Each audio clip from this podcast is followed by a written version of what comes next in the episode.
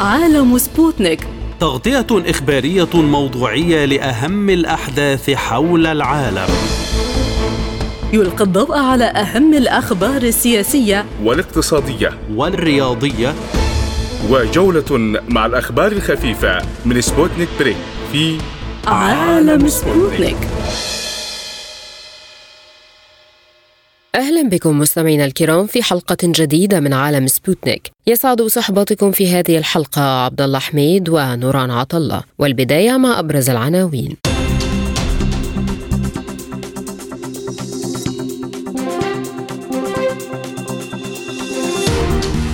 دخول الهدنة بين حركة حماس وإسرائيل في غزة حيز التنفيذ. تصعيد المواجهات على الحدود اللبنانية بعد إعلان حزب الله مقتل أربعة جنود إسرائيليين في هجوم بصواريخ موجهة. واشنطن تدعو طرفي الصراع في السودان لخفض التصعيد والانخراط في المفاوضات بجدية. المبعوث الأممي لليبيا يدعو لاجتماع عاجل لتسوية الخلافات حول الانتخابات. اقتصاديا باكستان تتقدم بطلب رسمي للانضمام لتجمع بريكس.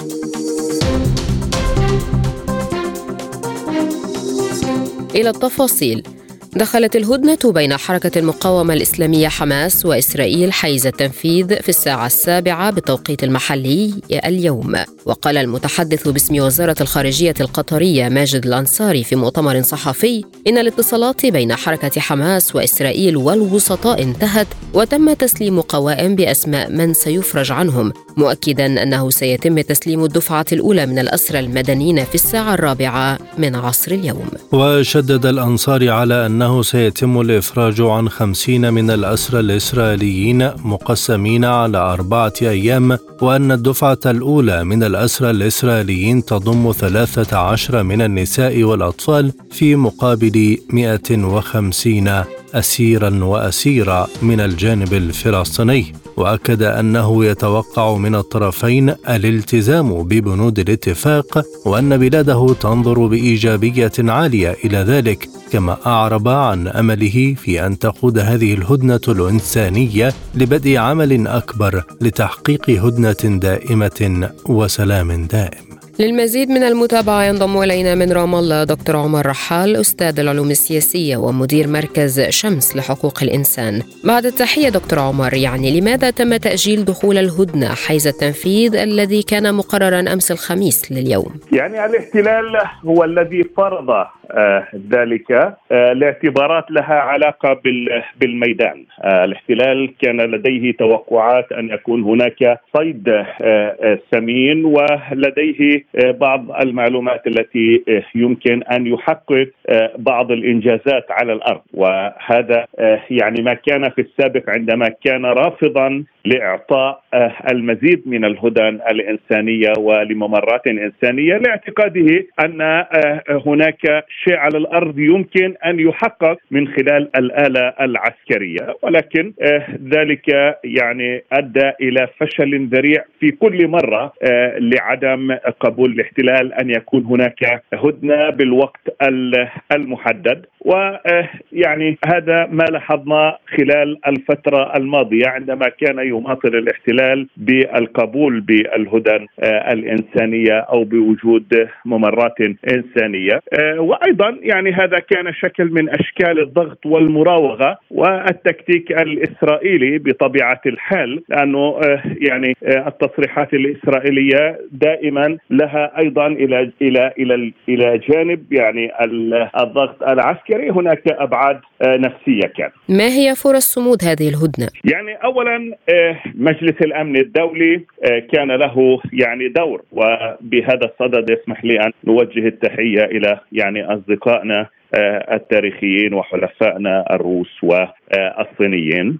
آه، نحن نعتقد أنه سيكون هناك مزيد من الهدن الإنسانية لأن الموضوع مرتبط اولا بالولايات المتحدة الأمريكية التي لها يعني بعض الأسرى الذين يحملون آه، جنسيتها، الموضوع الثاني آه، مرتبط بالكذب وبالرواية التي يعني حاول أن يسوقها نتنياهو بأنه يريد مزيدا من الوقت للوصول إلى الأسرى وسقوط الشفاء وإلى آخره. هذا الموضوع يعني أدى إلى كشف زيف الاحتلال. الشيء الآخر له علاقة بالعدد الهائل من المدنيين الذين سقطوا آه، بين آه، يعني شهيد وجريح والتدمير الكبير. وبالتالي العالم بدأ يعني يتململ خصوصا الدول التي تدعم العدوان. وأقصد هنا بريطانيا وألمانيا وإيطاليا والولايات المتحدة الأمريكية.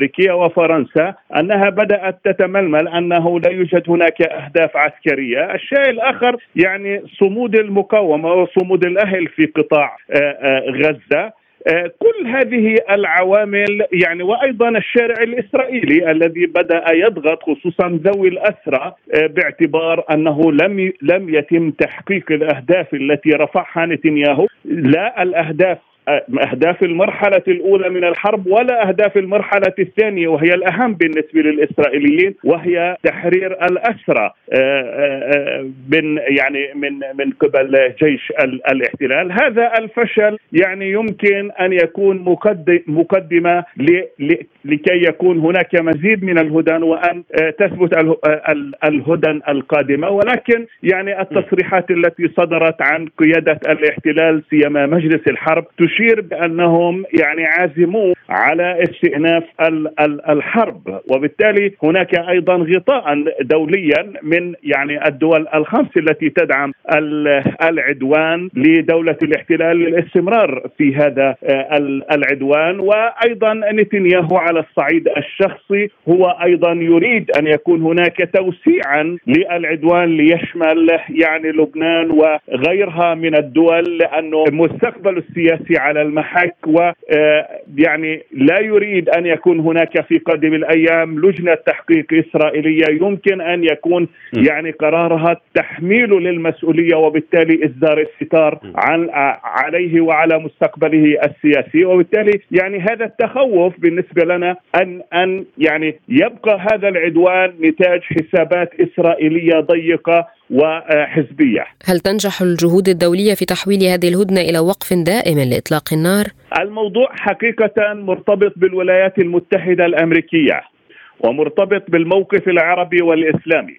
ولو كان يعني هناك موقفا عربيا اسلاميا من البداية ضاغطا حاسما لما كان هذا العدوان بهذه الوحشية وكان لما يصل إلى هذه المرحلة. الشيء الآخر له علاقة يعني بالتح... بتحركات شعوب يعني الدول التي تدعم العدوان. إذا كان هناك تحركات في الشارع من قبيل المظاهرات والمسيرات الرافضة لهذا الاحتلال نحن نعتقد بأنه سيكون بالإمكان أن تقوم هذه الدول. لا لا أقول رفع الغطاء ولكن بالحد الأدنى الطلب من دولة الاحتلال بأن يكون هناك هدنة وإنهاء للعدوان. ولكن هذا الغطاء السياسي والدبلوماسي والدعم اللامحدود من الدول التي تدعم العدوان. سواء يعني من الناحية العسكرية والفنية واللوجستية والأمنية والدعم آه، آه، آه، يعني الاستخبارات وأيضا على مستوى الأمم المتحدة باستخدام الفيتو في مجلس الأمن كلها هذه عوامل يعني خطيرة بالنسبة لنا يمكن أن تؤدي إلى استمرار العدوان. لكن إذا كان هناك تحركات جدية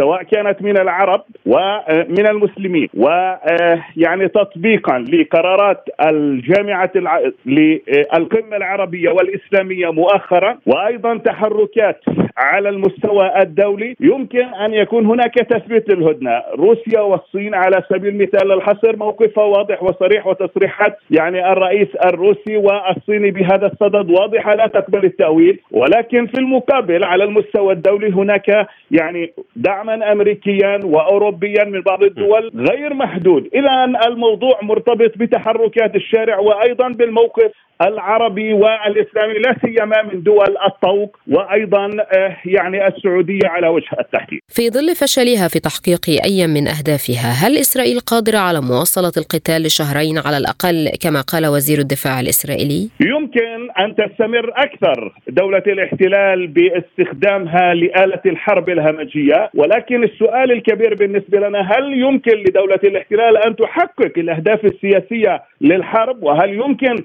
أن تقضي على المقاومة وأن تقوم باحتلال قطاع غزة إلى إلى إلى الأبد. نحن يعني نعتقد أن هذا الاستخدام المفرط للقوة وهذا العدوان يمكن أن يستمر ولكن في في المقابل المقاومة ستتصدى وأبناء شعبنا سيبقوا صامدين وبالتالي دولة الاحتلال لن يكون بمقدورها تحقيق أي من الأهداف السياسية للحرب سوى الدمار والخراب وقتل المزيد من أبناء شعبنا لا سيما من المدنيين الأبرياء. ولكن ذلك أيضا مرتبط بالإقليم مرتبط في يعني الحدود الشمالية ومرتبط أيضا بتدخل يعني بعض الدول الإقليمية أو الحليفة لنا.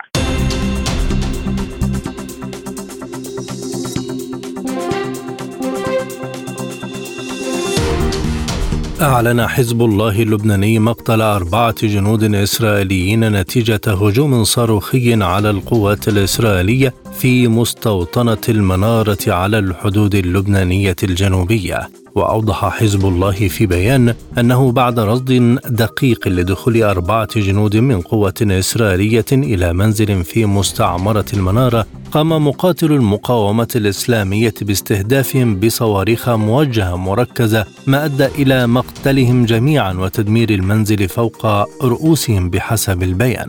إلى ذلك حذر عضو مجلس الحرب الإسرائيلي باني جانس حزب الله اللبناني من الدخول في الحرب. مشددا على أن حزب الله عليه أن يدرك أن ما جرى في غزة يمكن أن يحدث في بيروت. من جانبه حذر وزير الخارجية الإسرائيلي إلي كوهان في رسالة غير عادية لمجلس الأمن من أنه إذا لم يتم تنفيذ قرار مجلس الأمن رقم 1701 بالكامل واستمر وجود قوة رضوان التابعة لحزب الله على الحدود جنوب نهر الليطاني فإنه يمكن أن تندلع حرب إقليمية. المزيد ينضم إلينا من بيروت الخبير العسكري والاستراتيجي العميد ناجم لاعب. أهلا بك سيدي الكريم. هل تخرج الأوضاع على الجبهة اللبنانية عن السيطرة؟ في ظل استخدام حزب الله أسلحة جديدة وإيقاع خسائر أكبر في صفوف الجيش الإسرائيلي. آه، حزب الله منذ آه، آه، اليوم الثاني لعملية 7 أكتوبر دخل هذه المعركة بشكل أنه وجه صواريخه باتجاه أراضي لبنانية محتلة من قبل إسرائيل وبالتالي استدرج ردا إسرائيليا على هذه العملية وما زال ضمن نفس النمط منذ فترة إلى أن أعلن أمين عام حزب الله أننا جبهة مساندة. آه، بذلك استدرجنا قوى آه، من الجيش الإسرائيلي باتجاه الشمال وكذلك منظومته آه، من القبة الحديدية وخففنا الضغط عن غزة. وهذا ضمن ما يسميه يعني محور الساحات يعني أن يكون وحدة الساحات المقاتلة مع ضمن فيلق القدس الداعمة لفلسطين. ما ما استجد في هذا الموضوع هو استخدام تقنيات إسرائيلية حديثة من من أقمار اصطناعية طيران مسير واستطاع إحداث لا أقل من 85 شهيد من من شهداء حزب الله غير المدنيين وقصف أماكن مدنية، لذلك طور حزب الله آه، استخدام أسلحته بحيث استخدم آه، صاروخ نوع بركان هو يحمل بين 300 و 500 كيلو جرام من المتفجرات. صحيح أن مسافته ليست طويلة لا تتعدى 10 كيلومتر ولكن يحدث أضرارا كبيرة. وكذلك استخدم طائرات مسيرة آه، ثلاث طائرات آه، انتحارية يعني هي متفجرة مباشرة. كان الرد الإسرائيلي كما رأينا آه، مؤلم على حزب الله فقتل قاده من كتيبة الرضوان المجهزة وهي نوع من كتيبة قتال خاص. اليوم ما هو منتظر أن آه، حضور آه، الأمريكي والذين هم يقودون عمليا ويشرفون على عمل الجيش الإسرائيلي الانتقامي حضور السيد هوكشتاين إلى تل ابيب ما قبل إعلان الهدنة ورافقه وزير خارجية إيران في الجهة الأخرى جاء إلى لبنان. يعني صحيح أن هذه الهدنة لم تتناول الشمال الإسرائيلي وجبهة الجبهة في لبنان. ولكن من تحت الطاولة حضر لأن تبقى هذه الجبهة باردة. ولكن اغتيال الذي حصل من قبل إسرائيل في منزل لقادة من كتيبة الرضوان وتر الجو ووتره بشكل كان هناك ردا من حزب الله لا أقل من 50 صاروخ على أماكن عسكرية وفي في إسرائيل. المتوقع أن الموضوع سيبقى منضبطا ضمن هذا الاتجاه لأن إسرائيل إذا ما فتحت عليها جبهة أخرى ولم تنتهي بعد من جبهة غزة هي ستعاني ليس فقط ما عانته في غزة آه، على على جبهة المقاومة الإسلامية هناك اضعاف أضعاف ما ممكن أن تعانيه إسرائيل مما عانته في في غزة، لذلك أعتقد أنها سوف تحاذر فتح جبهة أخرى وسيبقى الأمر نمطيا ضمن هذا الاتجاه، وكما قال السيد حسن نصر الله الكلمة للميدان وكل رد سيكون هناك رد أقوى. يفهم من هذا أن الأوضاع على الجبهة اللبنانية ستشهد هدوءا خلال أيام الهدنة في غزة؟ خلال أيام الهدنة آه، لا آه، إسرائيل آه، لا لا يؤتمن لها. ممكن أن تظهر لناسها أنها قوية وأنها تستطيع يعني تطوير الجبهة يعني تسوير الجبهة أكثر يعني لن تركن هذه الجبهة خلال هذه الهدنة. ولكن لن يكون هناك توسيع أكبر للعمليات يعني لن تنعم هذه الجبهة بالهدوء ولن يكون هناك توسيع للعمليات هذا المنتظر كمحللين. ما مدى قانونية مطالبات إسرائيل بانسحاب حزب الله من مناطق جنوب نهر الليطاني عمليا عندما جرى تطوير مهام قوات الطوارئ الدولية بعد 2006 في في جنوب لبنان اليونيفيل كلفت من ضمن هذه المهام انتشار الجيش اللبناني ضمن بقعة من النهر الليطاني وحتى الحدود بقعة 20 كيلومتر محاذية للحدود مع إسرائيل. هذه البقعة يجب أن تكون خالية من المسلحين أو من السلاح. وفقط انتشار ل 12 ألف عنصر من الجيش اللبناني مدعومة من قوات الطوارئ الدولية. هذا الموضوع اليوم إذا يعني هناك مشروعية من القرار الدولي بأن لا يكون هناك مسلحون في هذه المنطقة. ولكن طالما أن هناك احتلال إسرائيلي لقرى لبنانية ولمناطق لبنانية آه، آه، هناك مشروعية في المقابل بالبيان الوزاري اللبناني لآخر حكومة لبنانية بأن تحرير أرضنا المحتلة بكافة الوسائل. يعني هذا يعطي مشروعية لقتال حزب الله ولكن دوليا آه، وجود القوات الطوارئ الدولية يمنع وجود أي مسلح أو أو قطعة سلاح في هذه المنطقة. برأيك هل الأوضاع على الجبهة اللبنانية تتجه للتصعيد بعد تهديد تل أبيب بتحويل لبنان لغزة أخرى إن لم ينسحب حزب الله من جنوب نهر الليطاني؟ هذا الموضوع يقرر بطهران وليس آه، في لبنان أو في أي دولة عربية مع الأسف. طهران أنشأت هذا الفيلق فيلق القدس لأغراض خاصة بها. وإذا ما تم تحقيق غاياتها تنسحب ولا تطور هذه الجبهة ابدا. ولكن إذا ما لم تصل إلى نتيجة هي يعني الدبلوماسية الإيرانية ناشطة في جميع الاتجاهات وترسل رسائل عسكرية من حزب الله من ضد قواعد أمريكية في في سوريا والعراق من اليمن يعني كل هذه الرسائل آه، إيران تبحث عن ما بعد غزة دورها ما بعد غزة. إذا ما أمنت ويبدو أنها أمنت بعض الأمور آه، في في في تحرير 10 آه، مليار دولار من العراق إلى إيران نتيجة استجرار الطاقة الكهربائية من إيران إلى العراق في استحضار 6 مليار دولار من من كوريا الجنوبية إلى قطر. في آه، عدم تجديد آه، العقوبات حول شراء وبيع الأسلحة التي آه، كانت مدتها خمس سنوات انتهت ب 18 أكتوبر ولم تجدد. يعني هناك نوع من مكاسب إيرانية دبلوماسية لا تشي بأن إيران في وارد توسيع الجبهة. توسيع الجبهة الخطورة من توسيع الجبهة باتجاه لبنان هي من إسرائيل وليست من قبل. حزب الله واذرعها في المنطقة.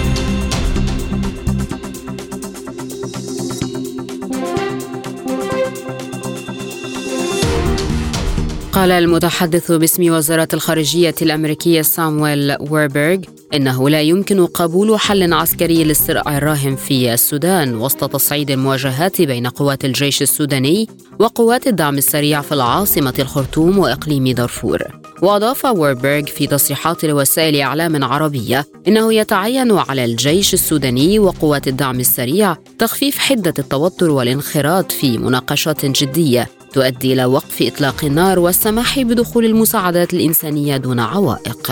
هذا ورحب المسؤول الأمريكي باستئناف المحادثات بين طرفي الصراع مؤخرا في جدة بمساعدة من السعودية والولايات المتحدة والهيئة الحكومية الدولية للتنمية إيجاد التي تشارك نيابة عن الاتحاد الإفريقي. وأكد أنه لتحقيق حل مستدام يجب إنهاء العنف واستئناف العملية السياسية التي يقودها المدنيون لتشكيل حكومة مدنية واستعادة الانتقال الديمقراطي في السودان. للمزيد من المتابعة ينضم إلينا من لندن عبد الواحد إبراهيم عضو شبكة الصحفيين السودانيين. بعد التحية يعني ما أسباب التصعيد العسكري في السودان تزامنا مع محادثات جدة؟ اولا آه، أعتقد إنه يعني على حسب متابعتي إنه قوات الدعم السريع يعني أصبحت لديها إمكانيات نوعية تختلف عن الفترة السابقة من خلال الأسلحة اللي بتستخدمها. هم طبعا يدعون أنهم استولوا على هذه الأسلحة مدفعيه ثقيله وغيرها يعني. فأصبح لديهم يعني أسلحة نوعية أفضل مما كان لديهم. الشيء الآخر في أحاديث وأنا يعني مش متاكد منها تنسب لأنه مطار آه، ام جرس في تشاد فاتح لدعم الدعم السريع من آه، بلدان عربية وكذا لكن هذه المعلومات طبعا غير مؤكدة يعني لكن هي معلومات متداولة آه، وربما يعني يكون حتى لو لم يكن الدعم دعم عسكري يكون دعم يعني مادي يستطيع انه يساهم في التنقلات تنقلات توفير الجازولين والمازوت وغيره للمركبات المتوسطة والصغيرة. وهو أصلا يعني ده قوام الدعم السريع يعني يعني الحرب الخاطفة واستخدام الآليات السريعة. فربما يكون ده ساهم في إنه يعني يدفع بقوه الدعم السريع، الحاجة الثانية آه في قوه اجتماعية كبيرة يعني يعني بين قوسين حاضنة اجتماعية آه للدعم السريع اعتقد إنها يعني أيدت موقفه وابتعدت الشغل بينه وبين القوات المسلحة. الحاجة الثالثة إنه القوات المسلحة يعني قياده القوات المسلحة يعني لا تحظى بتأييد حتى في المناطق الخارج خارج نطاق الحرب. غير كذا ظهور يعني الكتائب الإسلاميين خلت الناس تنفر من دعم القوات المسلحة. غير كده الصلاه بتاعت صلاح قوه وعلي كرتي اللي هو سكرتير عام الحركة الإسلامية أو الأمين العام ومجموعات أخرى يعني ارتباطات ببرهان قبلية أكثر فده كله أحدث مخاوف وخلى وضعية الجيش أضعف غير كده الداعمين الإقليميين للجيش السوداني هم داعمين معنويين وسياسيين وإعلاميين أكثر من إنهم داعمين ماديين يعني دعم مادي لوجستي وعسكري وكذا ما مدى استجابة طرفي الصراع لهذه الدعوة؟ والله أنا أعتقد الطرفين في طرف طرف القوات الدعم السريع طبعا لديها مصالح والدائرة تكون جزء من معادلة الحكم في السودان أما مجموعة البرهان ومجموعة العسكريين فدين هم عايزين يستأثروا بالسلطة باعتبارهم هم بيروا إنه الجيش هو الراعي للامن القومي للبلد وللحفاظ على مقدراته وإلى آخره يعني. لكن في النهاية الغاية هي الاستمرار في الحكم. فالطرفين متشبثين يعني بتغيير الحكم لصالحهم. واحد عايز يستحوذ على الحكم والآخر عايز يجد شراكة ما في الحكم الجديد ليحمي نفسه يعني من جرائم متهم بها وكذا. فالطرفين هم ما عاد عايزين يعني يرفضان ان يخرجا من معادلة السلطة في السودان. ده السبب الرئيسي الدافعهم في الاستمرار في الحرب. وكل طرف عنده مؤيدين طبعا في الاتجاه ده والمؤيدين حتى لأغراض مختلفة أجندة مختلفة. لكن في نهاية الأمر أعتقد في توازن الرهق يعني أو توازن الضعف. يعني لأنه آه، الحرب لما تستمر فترة طويلة تحتاج يعني إلى دعم كبير جدا. والحرب والحروب المفتوحة زي دي تكلفتها عالية جدا يعني صعبة يعني على دولة ضعيفة زي السودان أو على على الجيش وصعبة على القوات الدعم السريع. وما هي أوراق واشنطن لدفع الطرفين لخفض التصعيد العسكري؟ والله أنا في ظني انه واشنطن آه يعني ليست يعني جادة بالقدر الكافي لايقاف هذه الحرب، فمواقفها من يعني فترة طويلة في السودان آه مواقف كانت وسطية يعني ما حاسمة يعني إن أرادت أن توقف الحرب آه، يعني تدخلت بشكل أكبر وشكل قوي واستخدمت أذرعها السياسية والدبلوماسية في مجلس الأمن وغيره وقدرت تفرض يعني آه، ضغوط اقتصادية وضغوط متعلقة بالحصار الاقتصادي أو غيره على المجموعتين يعني. ولكنها اكتفت ببعض العقوبات لبعض الشخوص لدي الطرفين وهذا غير كافي لايقاف الحرب لأنه غير مؤلم. وهذه الدوائر العسكرية يعني تستطيع أن تدير يعني مصالحها يعني بطرق مختلفة. فنعتقد إنه ما في جدية في موقف واشنطن. ربما كانت السعودية جادة في هذا الأمر. وتسعى ان تقوم واشنطن بتكثيف الضغوط ولكن واضح ان الولايات المتحدة خارج سياستها الخارجية الآن وصناع سياستها الخارجية مشغولين بالحرب في أوكرانيا وبمساعدة إسرائيل أكثر من النظر إلى دولة يعني غاب يعني غادعه في في في اواسط أفريقيا. لماذا لم يتم تحقيق أي اختراق في محادثات جدة حتى الآن؟ والله أنا أفتكر برضو أيضا السعودية برضو في آه، يعني مشاكل ملحة لديها يعني في توازنات آه، متعلقة باقتصادياتها في التكتلات الجديدة لديها حسب يعني حسبة متعلقة بأوضاع الداخلية. لكن في النهاية موضوع السودان بالنسبة للسعودية مهم لأن السودان يعني ليس بعيدا من السعودية ويعتبر أشبه بالمحادث لها يعني على البحر الأحمر ومؤثر بالإضافة لوجود سودانيين أعداد كبيرة في المملكة العربية السعودية ولا العلاقات التقليديه يعني كانت يعني ما زالت جيدة بين البلدين. لكن تعرف يعني طبيعة يعني الأنظمة يعني تختلف يعني من نظام إلى نظام. فبعض الأنظمة بتدور الأمور يعني ببطء شديد. للوصول إلى نتائج نهائية حاسمة يعني وما بتستخدم كل آلياتها في الضغط على الأطراف.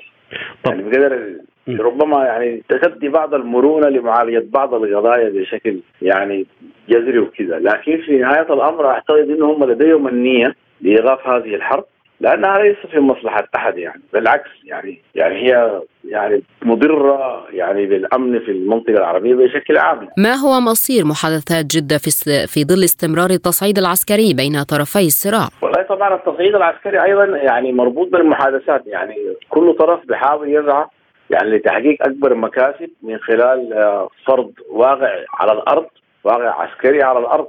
يعني آه كل يسعى إلى التمدد وإلى أن يثبت إنه موجود وأنه ذو وزن صغير حتى يستطيع أن يحقق يعني بعض المكاسب. فدي طبيعية في كل المفاوضات اللي شهدناها سواء كان في السودان أو في غير من البلدان.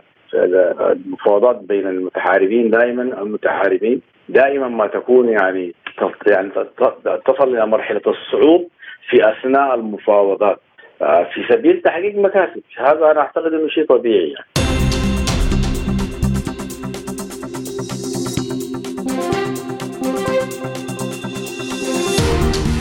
دعا عبد الله بتيلي المبعوث الأممي الخاص إلى ليبيا دعا الفرقاء الليبيين إلى اجتماع يعقد في الفترة المقبلة لتسوية الخلافات المثارة حول إجراء الانتخابات. وقالت البعثة الأممية إلى ليبيا في بيان نشرته على موقعها إن باتيلي وجه دعوات إلى الأطراف المؤسسية الرئيسية في ليبيا للمشاركة في اجتماع سيعقد في الفترة المقبلة بغية التوصل إلى تسوية سياسية حول القضايا مثار الخلاف السياسي والمرتبطة بتنفيذ العملية الانتخابية.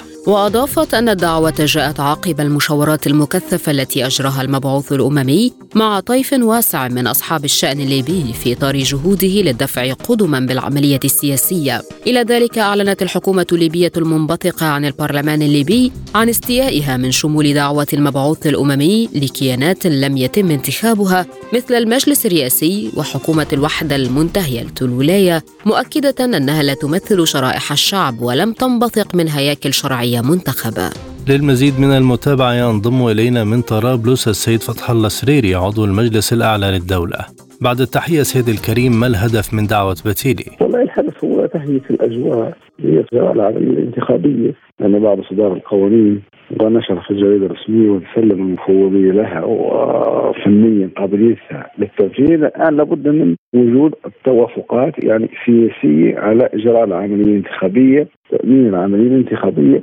والقبول بنتائج العملية الانتخابية. العملية الانتخابية مش غاية في حد هي وسيلة للاستقرار والأمن. وخوف من إجراء عملية قد تكون غير ناجحة بنسبة كبيرة يفضل تهيئ لأن هي العملية الانتخابية تتكون من عناصر عدة عنصر قانوني من القوانين القوانين أنجزت ونشرت ومقبولة إلى حد كبير جدا. ثانيا تحتاج المفوضية اللي هي الاداه التنفيذية لدى عمال اللوجستي وهي الآن موجود هذا. ولكن أيضا هناك لابد من وجود توافقات سياسية بامكانيه إجراء العملية الانتخابية وقبول نتائجها من الأطراف يعني المتصارع والفاعل على الساحة الليبيه والدول الإقليمية المتدخلة في هذا الملف بطبيعة الحال. وعلى رأس هذه المسألة هي تشكيل حكومة وحده وطنية مصغرة. آه، عملها الاشراف على الانتخابات ودعم المفوضين والاشراف على الانتخابات. ترتيب الدعم اللوجستي. وزارة الداخلية، وزارة التعليم، البلديات، كل هذه المسائل تحتاج إلى أيضا توافقات سياسية من الأشخاص الفاعلين على على الساحة.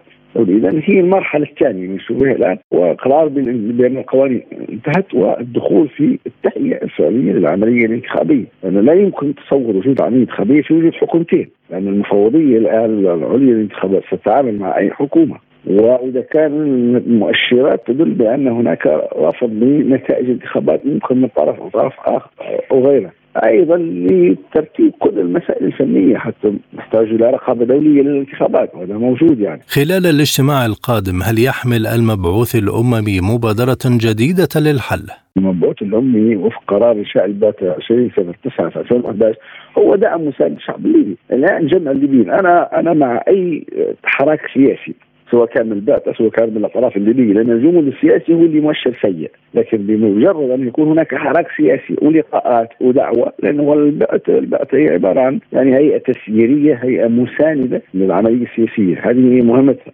ومن تم الدعوة لهذه مهمة لأن هذه الأطراف المهمة الفاعلة هو الخمس أطراف. الحكومات والمجالس التشريعية والمجلس الرئاسي وهذه مهمة جدا لإيقاعاتها لأن هي التي تعمل على انجاح العملية الانتخابية، كون يلتقوا هذه القضايا يتحاوروا ما هي المشاكل اللي ممكن تواجه العملية الانتخابية؟ يحددوها يتناقشوا على آليتها تكون في ضمانات بينهم لقبولها. فهنا تنتهي العملية الانتخابية مرجو منه وهو الاستقرار قبول النتائج وحدة البلد عودة الدولة الليبية بمشاركاتها وتواجدها الاقليمي والسياسي فهي بتيجي وتسهيل وتسيير هذه المسائل هي من صميم اختصاصاتها وهذا حق الليبيه باعتبار عضو من المتحدة وواجب على البعثة أيضا الحق قبل واجب. فهي خطوة نشوف فيها جيدا البعثه هو يعني يعني بقى كثير ساكن يتحدث بدون أي خطوة فعلية. إذا كان نجح في هذه الخطوة فعليه خطوة. ونعمل لها النجاح بطبيعة الحال لكن دائما أقول أنا هو اللقاءات والحوارات مهمة. تحريك العملية السياسية مهم جدا جدا أفضل من البقاء في جمود ورئيس المجلس الدولة لازم ذهب للقاهرة ذهب إلى واشنطن أعتقد أنه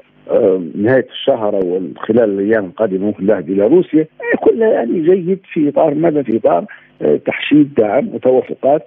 تبيان مواقف المجالس وكل نحو العملية وكيفية إجراءها فهذا كل عمل إيجابي بنشوف فيه وخطوه نحو استقرار إن شاء الله ونجاح العملية الانتخابية. ما مدى استجابة الفرقاء الليبيين لدعوة بتيلي لما سوف يطرحه؟ لا هو بتيلي لا, لا هو لم يطرح أو لم يعلن عن ما سيطرح ودعا إلى لقاء ولمناقشة ما ممكن أن يعيق على الانتخابية. إلى حد كبير هم عارفين جديد ما فيش حاجة راح تكون جديدة معينة. النهج الإسلامي الانقسام السياسي بعض الخلافات غير خافيه على أحد. يعني هذه المعوقات للعمليه الانتخابية. ومن ثم هو سيطرح لم ياتي بجديد سيطرح هذه المسائل وكيف معالجتها؟ يفترض أنه اولا وضع آلية من سيكون داخل هذا الفريق أو هذا اللقاء أو هذا التجمع. ومن ثم هم كل واحد عنده مخاوف كل واحد عنده يعني يحتاج إلى تطمينات يحتاج إلى مشاركة في إيجاد حل لأنه الحل جمعي جماعي. الحل ما يمثل جهه واحدة ولا مؤسسة واحدة ولا كذا هو حل بين جديد.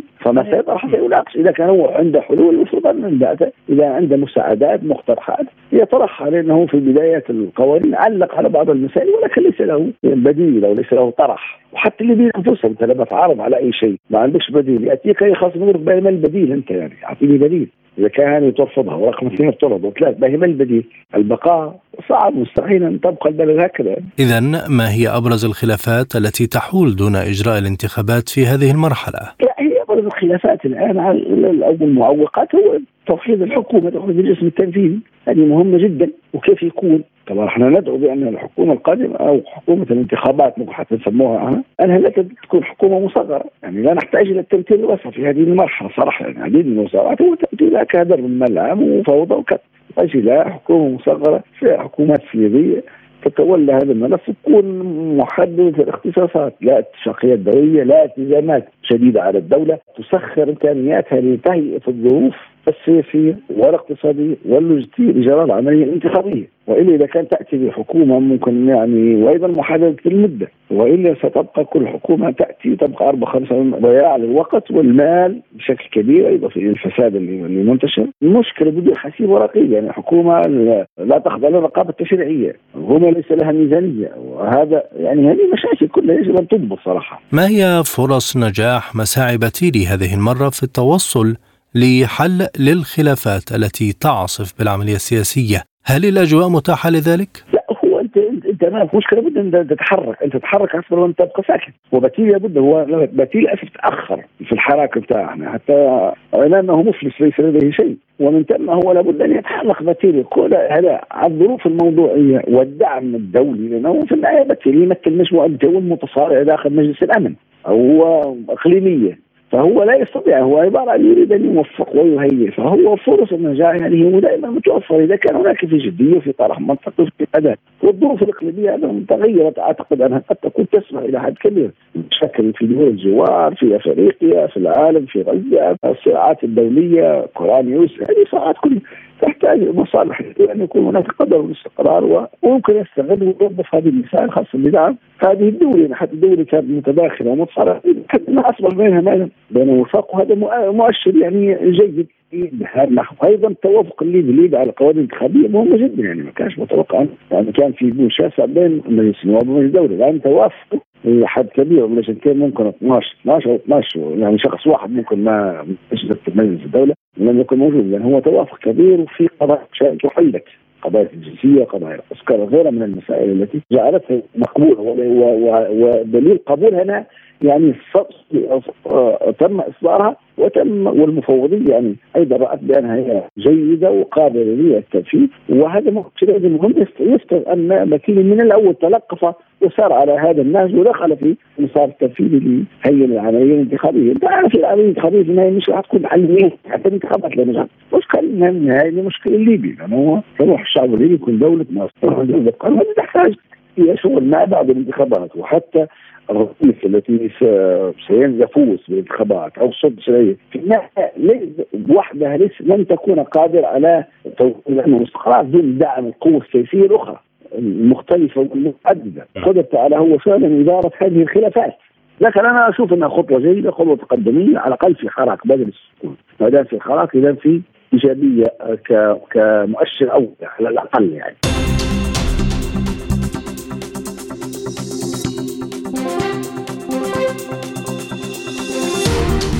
أعلن سفير باكستان الجديد لدى روسيا محمد خالد جمالي أن إسلام آباد قدمت طلبا للانضمام إلى بريكس في عام 2024 وتعتمد على مساعدة روسيا في مسألة انضمامها إلى المجموعة.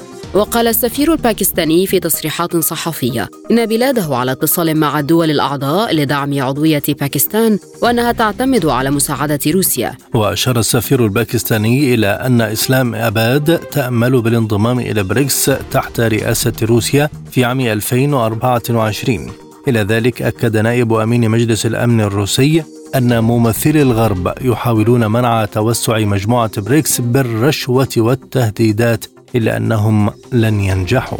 للمزيد من المتابعة ينضم إلينا من بيروت الخبير بالشؤون الجيوسياسية والاقتصادية دكتور بيير عزر بعد التحية دكتور بيير ما هي فرص انضمام باكستان لتجمع بريكس في ظل المعارضة الدائمة من قبل الهند؟ إعلاميتنا تحيتنا لحضرتك أولا بداية وللمستمعين. هذا موضوع مهم جدا وحساس جدا. عندما نقول باكستان نقول في نهاية الأمر كيفية التأثير ضمن أوراسيا. لأننا عندما نقول باكستان نقول أفغانستان وبالتالي نقول الهند ونقول الصين لأنه في نهاية الأمر هنالك ارتباط وحدود بين باكستان والصين في منطقة جبلية حساسة جدا. وبالتالي لأنه حضرتك سألت عن الهند مما لا شك فيه هذا النزاع الشديد ما بين الهند وباكستان وخاصة مع قضية كشمير. وهذا النزاع الممتد عبر عقود من الزمن بمعزل عن أحقية الطرفين لأن هنالك إشكالية كبيرة حول الحدود. عندما تقول باكستان بأنني أريد أن أنضم إلى منظومة البريكس لها أبعاد حساسة جدا لأن الصين لعبت دورا أساسيا لأنك ذكرت حول الهند. يجب أن نقول لماذا الهند لديها حساسية بمعزل عن كشمير؟ لأنه الصين لعبت دورا أساسيا في تغذية وإمداد باكستان بقروض مالية بمعزل عن صندوق النقد الدولي.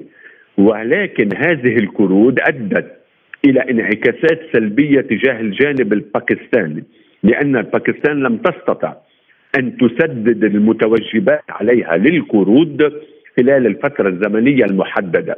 والصين ليست كاريتاس وليست جمعية خيرية، الصين في نهاية الأمر هي صندوق نقد دولي شرقي ولكن ببعد آخر.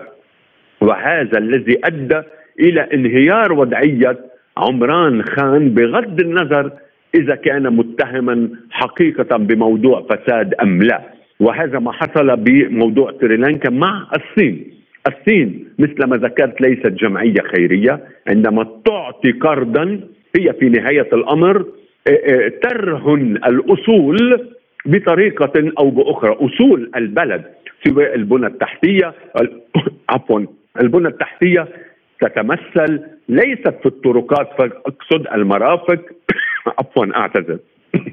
الموضوع الأساسي بالضبط اذا عندما تتحرك الهند الهند تعتبر إنه نفوذ الصين داخل باكستان قوي جدا وهذا الأمر ادى اليوم إلى إشكالية كبيرة ما بين خاصة منظومة البريكس ومنظومة المجموعة ال G20 مجموعة العشرين في خطوط الإمدادات سواء عبر طريق الحرير أو طريق الهند باتجاه حيفا. وبالتالي موضوع أوراسيا نقطة حساسة جدا بداية بالنسبة لروسيا لأن الصراع ومركزية الصراع اليوم هو حول أوراسيا. من يسيطر على الأوراسيا ككل؟ وروسيا لاعب أساسي. وهنا قضية الشرق الأوسط أخذت أبعاد حساسة جدا لأن الشرق الأوسط هو الحديقة الخلفية لأوراسيا. فكيف بالحري على الطريق الممتدة باكستان أفغانستان وهي أفغانستان قبل؟ وبالتالي من الطبيعي أن يتأجج الصراع وأن تتخوف الهند من انضمام باكستان إلى منظومة البريكس لأن النفوذ الصيني الروسي سوف يتصاعد بشكل كبير لأن الهند تسعى إلى نوع من الخصوصية لأنها الدولة الأكثر التصاقا بالعالم الغربي. العالم الغربي أقصد ليس الولايات المتحدة ليست عالم غربي ولكن تم التوافق على إدماجها ضمن هذا المصطلح. إذا إن الهند هي الدولة الأكثر ديمقراطية في المنطقة وهي الأكثر حداثوية بمعنى التصاقها بالحداثة الغربية. وبالتالي هذا الصراع وإن الهند تتخوف من انضمام الباكستان إلى البريكس لأن هنالك تمدد هائل للصين في محاولة السيطرة على البحار. والسيطرة على جزر بدءا من سينكاكو اليابانية وصولا إلى خليج البنغال ولأننا إذا نظرنا إلى الخريطة نجد منطقة سريلانكا إلى نوعا ما تشبه لسان وإن الصين تحاول أن تفصل ما بين العرب بحر العرب وبين خليج البنغال وهذا الأمر يشكل خطر كبير على الهند وإن الصين تتحايل على المصطلح وتقول بأن البحار التي تحيط الهند أما الهند تقول المحيط الهندي. بمعنى هذه المنطقة هي مجال حيوي لي أقصد البحار. فإذا استطاعت الصين أن تطور العلاقات بشكل كثيف مع الباكستان بانضمامها إلى البريكس فإن طريق الحرير تصبح أسهل وأسهل ويتم التحكم بأوراسيا وسوف تتحرك روسيا هنا بشكل قوي جدا إذا استشعرت يعني إذا استشعرت بانه الهند ربما تقلم أظافر التأثير الباكستاني ضمن ضمن البريكس ولكن روسيا ذكية لأن روسيا تعلم أيضا بانه لديها علاقات متميزة مع الهند بالرغم من علاقات الهند الشديدة مع الولايات المتحدة ولكن الهند تعلم بأن مخزون الطاقة لدى روسيا هي بحاجة ماسة دائما إلى روسيا في البعد الطاقوي وفي البعد التكنولوجي النووي السلمي. لأغراض سلمية ولغيرها من الأمور الحساسة. ما الفوائد الاقتصادية والسياسية التي تعود على باكستان جراء الانضمام لبريكس؟ سؤال أيضا إعلاميتنا شديد الأهمية لأن باكستان هي في نهاية الأمر انزعجت من طريقة التفاعل الصيني معها في عدم قدرتها مثل ما ذكرت في سداد القروض وهي تحاول هي لا يمكنها أن تندمج بالكل كليا في العالم الغربي علما علما بأنه على أثر أحداث 11 أيلول ومحمد كرداي المعروف وهو منشأ أمريكي وحاولت الولايات المتحدة أن تضع قيادة داخل أفغانستان هي تنتمي لها لكي تؤثر على باكستان. وبدأ بعد ذلك الصراع ما بين باكستان وأفغانستان. اذ اتهمت أفغانستان بأن باكستان هي ملجأ لحركة طالبان طالبان. باكستان هنالك طالبان داخل باكستان تتعاون مع طالبان أفغانستان عبر ال ال ال الوديان الشديدة. وبالتالي إن باكستان تسعى من خلال الانضمام إلى البريكس أن تخلق بداية حالة من التوازن بين الصين وروسيا بمعنى علاقة لباكستان. لا يمكنها أن تنجرف فقط باتجاه الصين أصبحت عبء عليها. عبء عفوا قلت عبء عبء عليها. الموضوع الأساسي هي تحاول من خلال البريكس أن تتوازن خاصة بعد انضمام إعلاميتنا الدول الست إلى البريكس. يعني كلنا نعلم بأن البريكس في الأساس جنوب أفريقيا البرازيل روسيا الهند والصين. وأما تم الانضمام منذ فترة ليست بالبعيدة المملكة العربية السعودية وهنا بيت القصيد لأن الصين عفوا باكستان على علاقة متميزة جدا مع المملكة العربية السعودية بل حتى هنالك نوع من من من المعايير الأساسية بأن المملكة العربية السعودية تستثمر بالصين كقدرات عسكرية وقتالية وحتى نووية. فاذا قلنا إن باكستان هي تحاول أن تستفيد من انضمام المملكة إلى البريكس انضمام مصر. إلى البريكس. علينا أن لا ننسى مصر انضمام الإمارات العربية المتحدة وانضمام الأرجنتين. يعني أصبح هنالك أمريكا الجنوبية وكذلك الامر انضمام إيران. هذه البلدان المهمة جدا جدا جدا في كل تأثيراتها على اوراسيا طبعا لا أقصد الأرجنتين. الأرجنتين نحن نتكلم عن أمريكا الجنوبية ولكن علاقات أمريكا الجنوبية بإيران إنها سوف وهذا ما يزعج الولايات المتحدة لأن روسيا وإيران خرقت الحديقة الخلفية للولايات المتحدة عبر أمريكا الجنوبية. وبالتالي كل القرارات التي تتخذ اليوم من جانب باكستان هي من محاولة خلق توازنات ضمن علاقاتها ضمن فلكية منظومة البريكس لكي في البداية تتنصل من ضغوطات الصين التي تحاول أن تستمر في العلاقات معها ولكن لا تستطيع أن تفي لها القيود أو عفوا القروض التي تم عفوا استسلام. هذه القروض أعتذر الموضوع الأساسي بالضبط اذا نحن أمام مرحلة إن باكستان حساسة جدا في اتخاذ هذا القرار وهذا قرار جيد جدا وسوف يؤدي إلى خلق أيضا نوع من توازنات مع منظومة الجي 20 التي سوف تحاول أيضا أن تستميل الباكستان بطريقة أو بأخرى. في ظل صعوبة انضمام الأرجنتين لبريكس، ما الذي يمكن أن يضيفه انضمام باكستان لبريكس إن حدث؟ مما لا شك فيه، باكستان دولة مهمة جدا ودولة كبيرة جدا وحتى لديها خيرات هائلة ولكنها ليست كلها مكتشفة وهي أهمية باكستان بالنسبة لمنظومة البريكس إنها تحرك طريق الحرير خاصة بأنه الصين وروسيا لاعبان أساسيان ضمن منظومة البريكس طبعا هي ليست رقم بين الأرقام ابدا هي دولة مركزية ضمن ما يعرف بأوراسيا. لكي نقول للمستمع ما المقصود بأوراسيا، أوراسيا يعني القارة الأوروبية الآسيوية هي منطقة ومركزية الصراع العالمي داخل أوراسيا ومن يسيطر على أوراسيا. صحيح. من يسيطر على مركزية أو ال أو ال أو الوسط داخل اوراسيا يسيطر على العالم ويستطيع أن يحكم العالم وهي روسيا لاعب أساسي أكثر بكثير من الصين وغيره الآن إلى جولة من الأخبار حول العالم.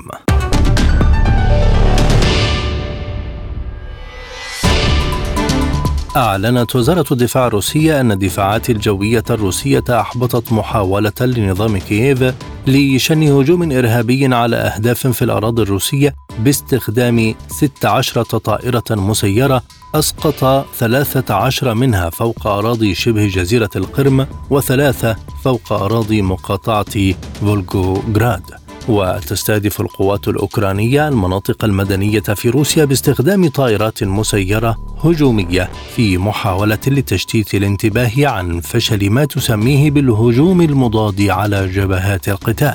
قال المستشار السابق في البنتاغون الأمريكي العقيد دوغلاس ماغريكور إن القوات الأوكرانية على وشك الانهيار بسبب ارتفاع مستوى الفرار بين صفوف الجيش. وأضاف ماغريغور أن القوات الأوكرانية تهرب الآن بأعداد كبيرة مشيرا إلى أن هناك العديد من القادة الذين يسلمون وحدات صغيرة كاملة لأنهم لا يستطيعون إجلاء الجرحى. وأكد أن هذا الصراع قد تمت خسارته بالنسبة لكييف في الوقت نفسه لم يستبعد أن الرئيس فلاديمير زيلينسكي لديه بالفعل العديد من الطرق للهروب. أفادت وسائل إعلام أمريكية بأن بعض الأوكرانيين على استعداد للتضحية بالأراضي من أجل السلام مع روسيا. وذكرت وكالة بلومبيرغ في تقريرها أن استطلاعات الرأي تظهر أن أقلية صغيرة ولكن متزايدة من الأوكرانيين تعتقد أن التنازلات الإقليمية لروسيا يمكن أن تكون ثمنا لا مفر منه للسلام.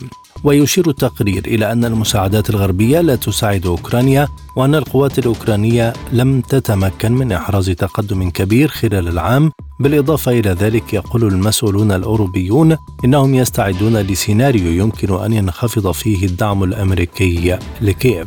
أعلنت الولايات المتحدة أن إسرائيل وافقت على تطبيق هدنة مدتها أربع ساعات يوميا في شمال قطاع غزة معللة ذلك بأنه من أجل السماح للسكان بالفرار من أعمال القتال. وحسب صحيفة جيروزاليم بوست وافقت إسرائيل على وقف القتال في شمال غزة لمدة أربعة ساعات يوميا بعدما نشرت حركة الجهاد الإسلامي الفلسطينية شريط فيديو لاثنين من الرهائن أشارت إلى إمكانية إطلاق سراحهما.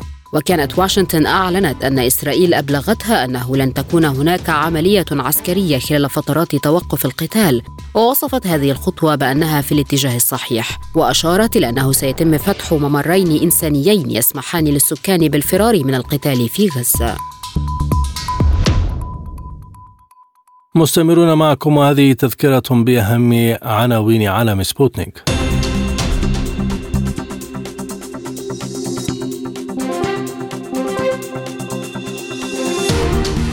دخول الهدنة بين حركة حماس وإسرائيل في غزة حيز التنفيذ.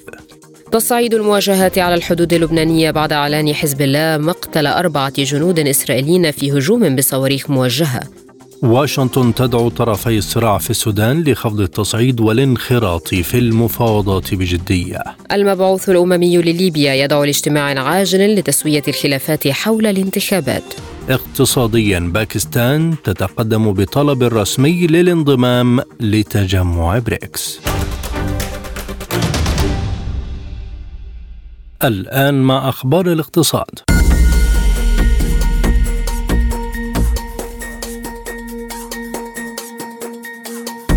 وافقت الحكومة الروسية على طلب وزارتي الزراعة والتنمية الاقتصادية فرض بعض القيود على تصدير الحبوب بينها القمح الصلب لدعم الاستقرار في السوق المحلية. ودعمت الحكومة الروسية مقترحا قدمته وزارة الزراعة لفرض حظر مؤقت على تصدير القمح القاسي من روسيا لمدة ستة أشهر في الأول من ديسمبر 2023 إلى الحادي والثلاثين من مايو 2024 كما أشارت الحكومة الروسية في بيانها إلى أنها أيدت تقييد سقف صادرات الحبوب الأساسية بواقع 24 مليون طن تشمل القمح والشعير والذرة. نقلت وكالة بلومبرغ عن مسؤول في وزارة المالية الإسرائيلية أن بلاده ستواجه عجزا متزايدا في الميزانية خلال العامين المقبلين قد يصل إلى 9% من حجم ناتجها المحلي الإجمالي.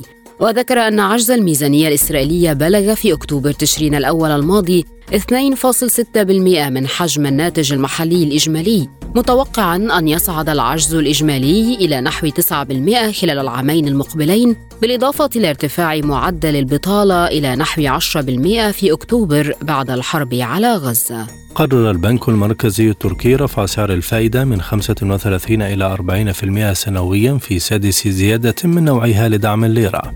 وجاء في بيان صدر عن المركزي التركي أنه تقرر زيادة سعر الفائدة 500 نقطة أساس ليصل إلى 40%. كان البنك المركزي التركي قد رفع سعر الفائدة في اجتماع عقده في نهاية أكتوبر الماضي من 30 إلى 35%. وأعلن المركزي التركي في يونيو حزيران الماضي أنه سيواصل تجديد السياسة النقدية تدريجيا حتى تتغير مؤشرات التضخم المرتفعة.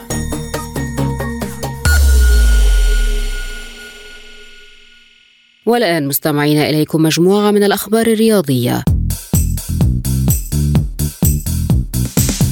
أعلن الأرجنتيني أنخيل دي ماريا نجم بنفيكا البرتغالي أن بطولة كوبا أمريكا 2024 ستكون الأخيرة له بقميص منتخب الأرجنتين. وأكد دي ماريا عبر حسابه الرسمي بتطبيق إنستغرام أنه لن يشارك مع منتخب الأرجنتين فيما تبقى من مباريات تصفيات أمريكا الجنوبية المؤهلة لكأس العالم 2026 وأوضح أنه قد وصل إلى المباراة الأخيرة بالنسبة له في التصفيات. تسلم الدولي البولندي روبرت ليفاندوفسكي مهاجم برشلونة جائزة البتشبيتشي لأفضل هداف في بطولة الدوري الإسباني لموسم 2022-2023 المقدمة من صحيفة ماركا الإسبانية. أحرز ليفاندوفسكي البالغ من العمر 35 عاما 23 هدفا خلال 34 مباراة شارك فيها الموسم الماضي إضافة إلى سبع تمريرات حاسمة. أكد البرتغالي جوزيه مورينيو المدير الفني لنادي روما الإيطالي أنه سينضم في يوم ما إلى الدوري السعودي لكرة القدم للمحترفين من دون تحديد سقف زمني لذلك. وينتهي عقد جوزيه مورينيو مع فريق روما الذئاب بنهاية الموسم الجاري 2023-2024 وسط تضارب الأنباء حول تمديد تعاقده أو الرحيل وخوض تجربة في دوري جديد. سبوتنيك بريك والأخبار الخفيفة.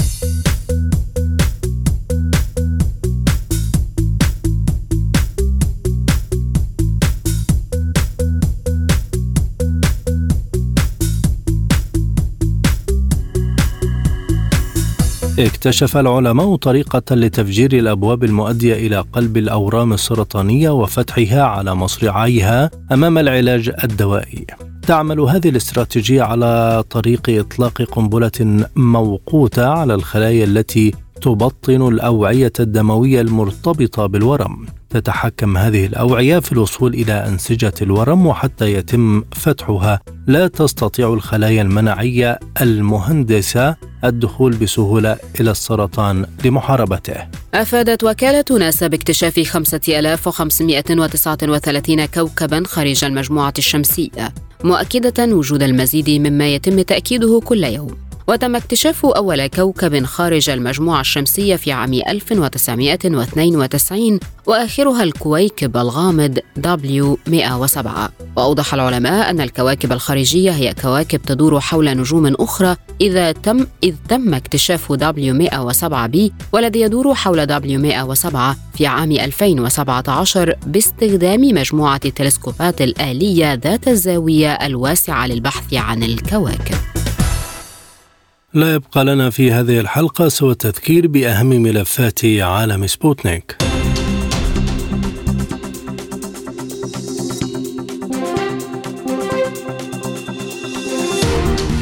دخول الهدنة بين حركة حماس وإسرائيل في غزة حيز التنفيذ. تصعيد المواجهات على الحدود اللبنانية بعد إعلان حزب الله مقتل أربعة جنود إسرائيليين في هجوم بصواريخ موجهة. واشنطن تدعو طرفي الصراع في السودان لخفض التصعيد والانخراط في المفاوضات بجدية. المبعوث الأممي لليبيا يدعو لاجتماع عاجل لتسوية الخلافات حول الانتخابات. اقتصاديا باكستان تتقدم بطلب رسمي للانضمام لتجمع بريكس. رياضيا نجم المنتخب الأرجنتيني أنخيل دي ماريا يعلن اعتزاله اللعب دوليا عقب بطولة كوبا أمريكا 2024 للمزيد زوروا موقعنا سبوتنيك دوت اي إلى اللقاء.